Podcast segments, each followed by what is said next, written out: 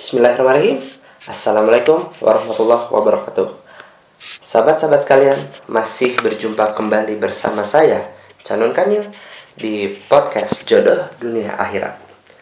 Sahabat-sahabat sekalian Begitu banyak suami-suami Yang ramah pada klien di kantornya Namun menjadi sedemikian jutek di hadapan pasangan dan anak-anaknya banyak suami yang betah untuk berlama-lama bersama sahabat-sahabatnya, namun tidak nyaman membersamai pasangan dan anak-anaknya. Banyak juga suami yang senang mendengarkan dan larut dengan isi hati orang di luar rumah, namun sering menghakimi isi hati orang yang di dalam rumah ketika anak istrinya curhat. Banyak juga suami yang cenderung toleran dengan ketidaksengajaan yang dilakukan rekan kerja, namun sangat sensitif dengan kesalahan kecil yang dilakukan anak dan pasangan di dalam rumah. Padahal, coba deh kalau kita simak satu hadis ini, hadis riwayat Tirmizi. Orang yang imannya paling sempurna di antara kaum mukminin adalah orang yang paling bagus akhlaknya di antara mereka dan sebaik-baik kalian adalah yang terbaik akhlaknya terhadap istri-istrinya. Ini adalah hadis riwayat Tirmizi. Kalau kita melihat hadis ini, maka apa sih sejatinya yang perlu dilakukan oleh seorang suami?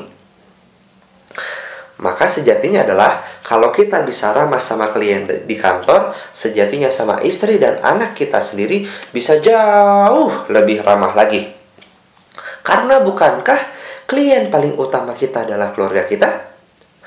Kalau kita bisa betah berlama-lama bersama sahabat, sejatinya kita perlu bisa lebih lama lagi membersamai pasangan dan anak-anak kita karena bukankah kita punya kewajiban lebih akan keluarga yang kita pimpin? Kalau kita bisa mendengarkan curhatan orang di luar rumah, sejatinya kita perlu bisa lebih empati lagi dan lebih memahami lagi isi pikiran dan perasaan anak-anak dan pasangan kita. Karena kalau bukan kita, apa kita rela kalau itu dilakukan sama orang luar? jika kita bisa toleran dengan kesalahan-kesalahan kecil yang dilakukan oleh rekan kerja kita, sejatinya kita perlu lebih toleran lagi dengan kesalahan kecil yang dilakukan oleh keluarga kita.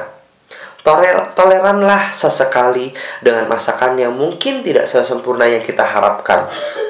Toleranlah sesekali dengan rumah yang sudah dirapihkan, namun belum rapi-rapi amat.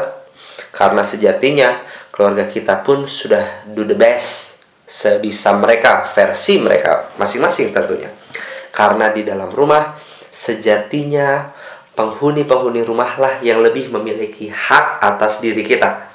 Maka sahabat-sahabat sekalian, sebagai suami sekalian, kira-kira kita perlu merenungi di hari pengadilan kelak, apakah pasangan dan anak-anak kita akankah menjadi pendakwa untuk kita atau justru pasangan dan anak-anak kita menjadi pembela utama bagi kita.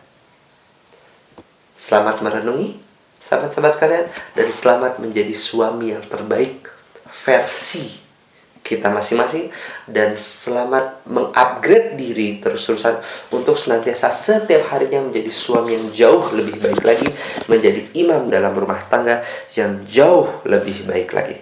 Wassalamualaikum warahmatullahi wabarakatuh.